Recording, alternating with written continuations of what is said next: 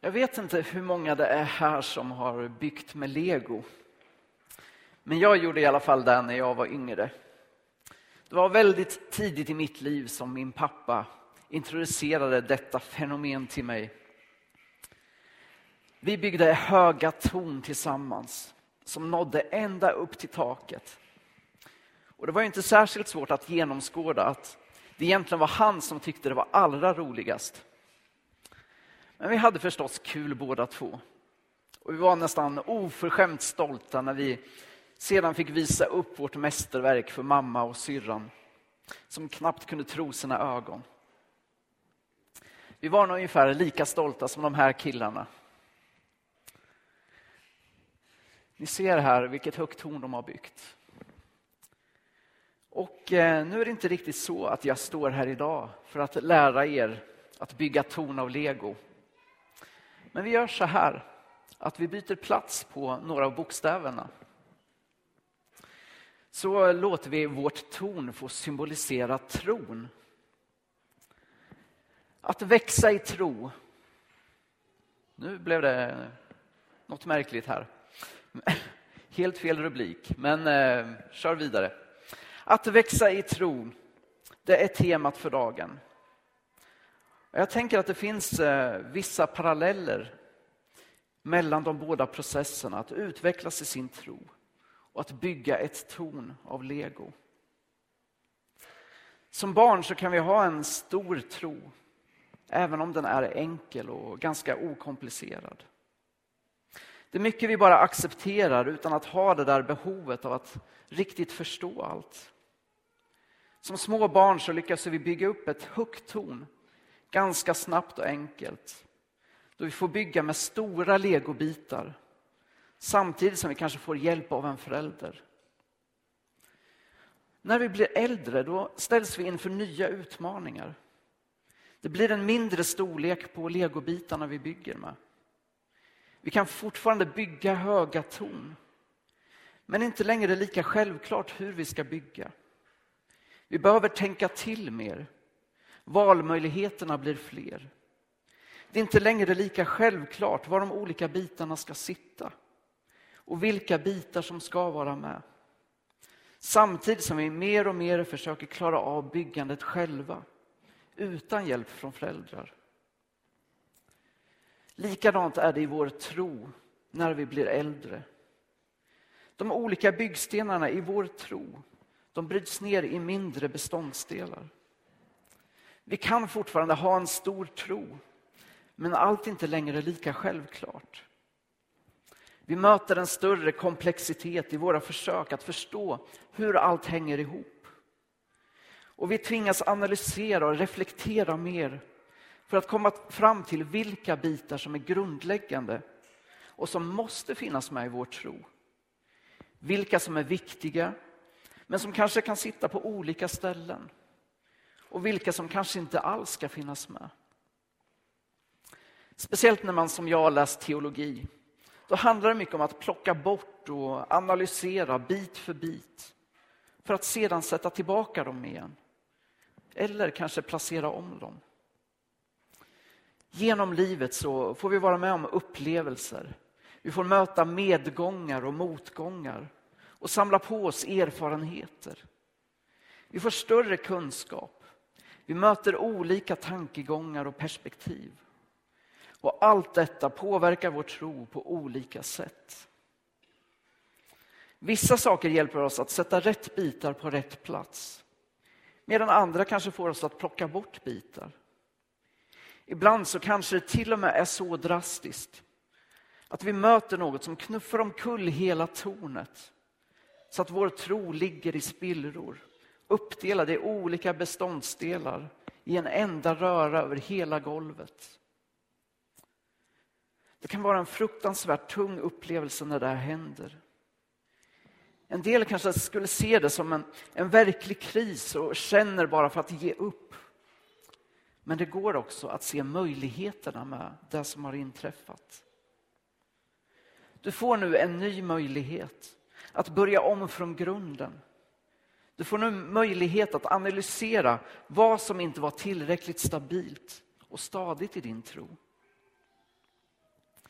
Du får chansen att bygga ett nytt torn genom att sätta tillbaka de bitar som du upplever satt rätt och samtidigt sätta dit nya bitar där det blev fel.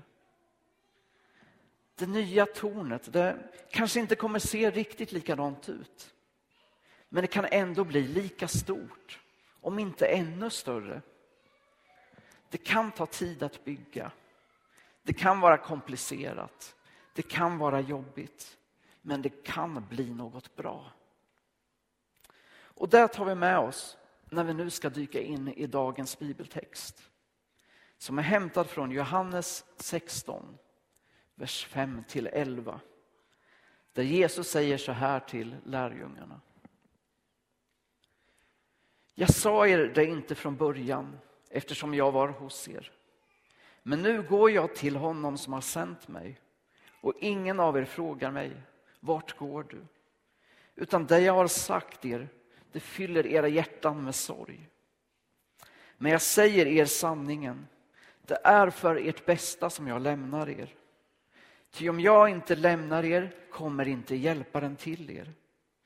Men när jag går ska jag sända honom till er. Och när han kommer skall han visa världen vad synd och rättfärdighet och dom är. Synd, de tror inte på mig. Rättfärdighet, jag går till Fadern och ni ser mig inte längre. Dom, denna världens härskare är dömd. I den här situationen så kan vi misstänka att lärjungarna befinner sig i ett chocktillstånd. Och kanske så rasar deras ton ihop totalt. När Jesus, han som blivit allt för dem, plötsligt berättar att han ska lämna dem. De frågar inte ens vart han ska. Utan det verkar nästan som om de blivit helt förlamade av sorg. Han som de byggt upp all sin tro kring ska plötsligt överge dem. Och så säger han att det är för deras eget bästa. Hur lätt är det att ta till sig? Men Jesus har full koll på läget. Han visste att han kommit till jorden för att utföra ett uppdrag. Han skulle befria oss människor så att vi inte skulle gå under utan kunna ha ett evigt liv och en relation till Gud. Det uppdraget fullbordades när Jesus dog och uppstod. Men eftersom Jesus var människa så var han begränsad. Han kunde inte vara överallt samtidigt om inte han for upp till Fadern och istället sände Hjälparen, den helige Ande, till oss. Den Hjälparen, sanningens ande, hade som uppgift att visa världen vad synd, rättfärdighet och dom var. När det gäller synden så fastnar vi ofta i att det handlar om våra felaktiga tankar och handlingar. Och det kan det väl göra till viss del. Men det är inte det Jesus pekar på här. Här säger han att det synden handlar om är att inte tro på honom. Det är det anden vill visa oss. Att det synden handlar om är att vända sig bort från Jesus.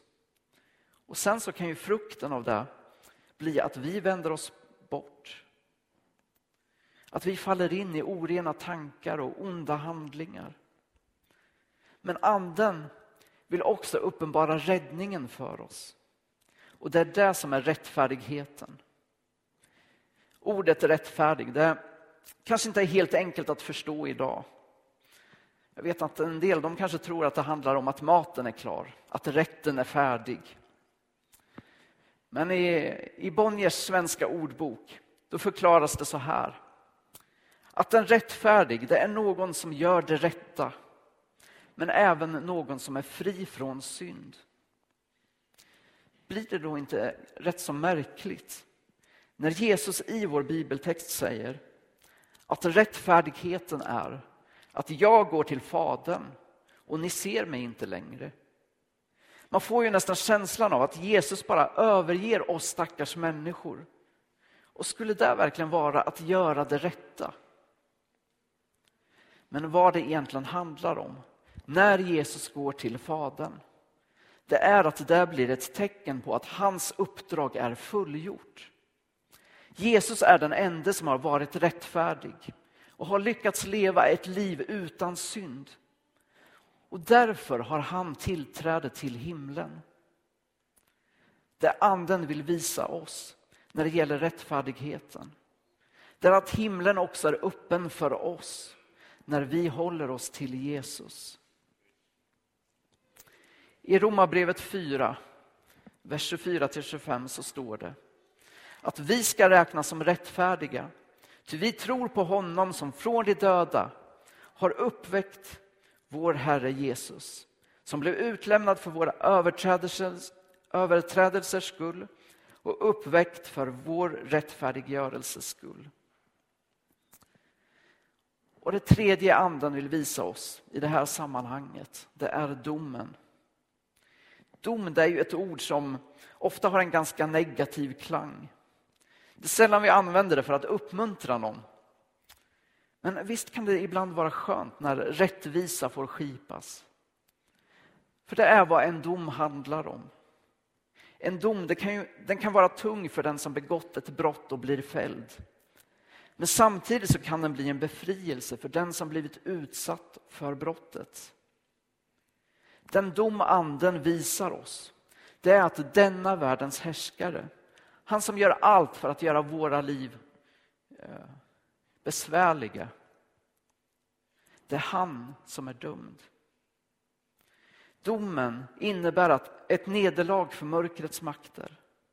Men samtidigt så blir den en seger för den som vill leva med Gud i frid, glädje, ljus och kärlek.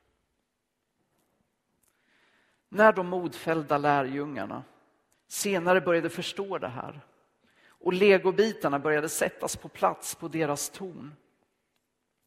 Då blev det så högt och så stabilt så att inget kunde rubba deras tro. Och jag vet inte hur din tro ser ut just nu. Om du har ett stort stabilt torn eller om alla dina bitar ligger utspridda på golvet.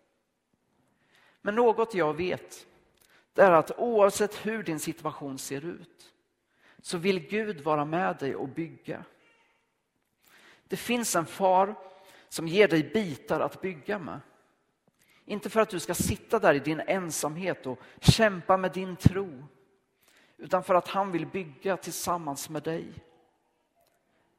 När vi kämpar själva med vår tro, då är det så lätt att vi fastnar i lagiskhet och dogmer av olika slag. Vi bygger då upp ett torn med en missriktad fokusering. Där vår tro blir mer av en tro på tron och kanske en högfärdig tro på oss själva. Men när vi låter Guds heliga ande, hjälparen, vara med och bygga och vi får göra det tillsammans med honom så riktas vår blick istället mot honom. Själva tornet blir inte längre det primära målet utan det viktigaste det blir vår relation. Att vi får vara tillsammans. Och ju mer vi är tillsammans, ju gladare vi blir. Ju mer vi är tillsammans, desto mer lär vi känna Gud. Ju mer vi lär känna Gud, desto mer växer den där äkta tron. Den stabila tron som står på en stadig grund.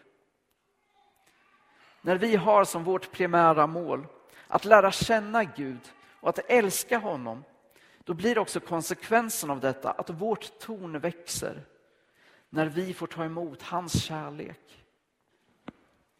Det här, det är världens högsta legotorn. Det är över 30 meter högt och innehåller nästan en halv miljon legobitar. Det kanske känns som ett omöjligt uppdrag att bygga ett sånt torn men tänk på att även detta torn, det började med en enda legobit som sedan byggdes på med fler och fler och fler bitar. Visst skulle det vara ganska maffigt att bygga ett sånt torn? Eller kanske till och med ett som är ännu högre. Tänk att bygga ett torn som når ända upp till himlen. Och på något sätt så tror jag faktiskt det är möjligt när vi bygger torn tillsammans med Gud. I Bibeln så finns det ju exempel på när människan gjort försök att bygga torn till himlen utan att ha Gud med sig. Jag tänker på Babels torn. Och det har ju inte slutat särskilt bra. Men när vi har en relation till Gud och låter honom leda byggandet, då finns det en himmel som väntar. Vi är inte där än, men byggarbetet pågår. Vi ger inte upp vår tro, för det finns någon som kämpar vid vår sida. Någon som tror på oss, någon som älskar oss och någon som inte överger oss. Amen. Herre, jag tackar dig för att vi får komma till dig som vi är. Du, Herre, ser var vi befinner oss just nu. Du ser hur högt vårt torn är, eller om det bara bitar som ligger där på marken. Men tack Herre för att du vill vara med oss i det här byggandet. Du vill hjälpa oss att få vår tro att växa. Jag tackar dig för att eh, du inte ger upp om oss, utan du har tålamod. Du vill alltid finnas där, sitta vid vår sida, lyfta oss upp när vi behöver hjälp att placera de här bitarna. Tack Jesus för att vi får komma till dig den här stunden. Hjälp oss när vi kämpar med vår tro. Hjälp oss att se vem du är. Att du älskar oss med oändlig kärlek. Och tillsammans med dig så kan vi uppnå vad som helst. Vi kan bygga ett torn ända upp till himlen. Och nu ber jag att vi alla ska få möta dig där vi är på det sätt som vi behöver. I Jesu namn. Amen.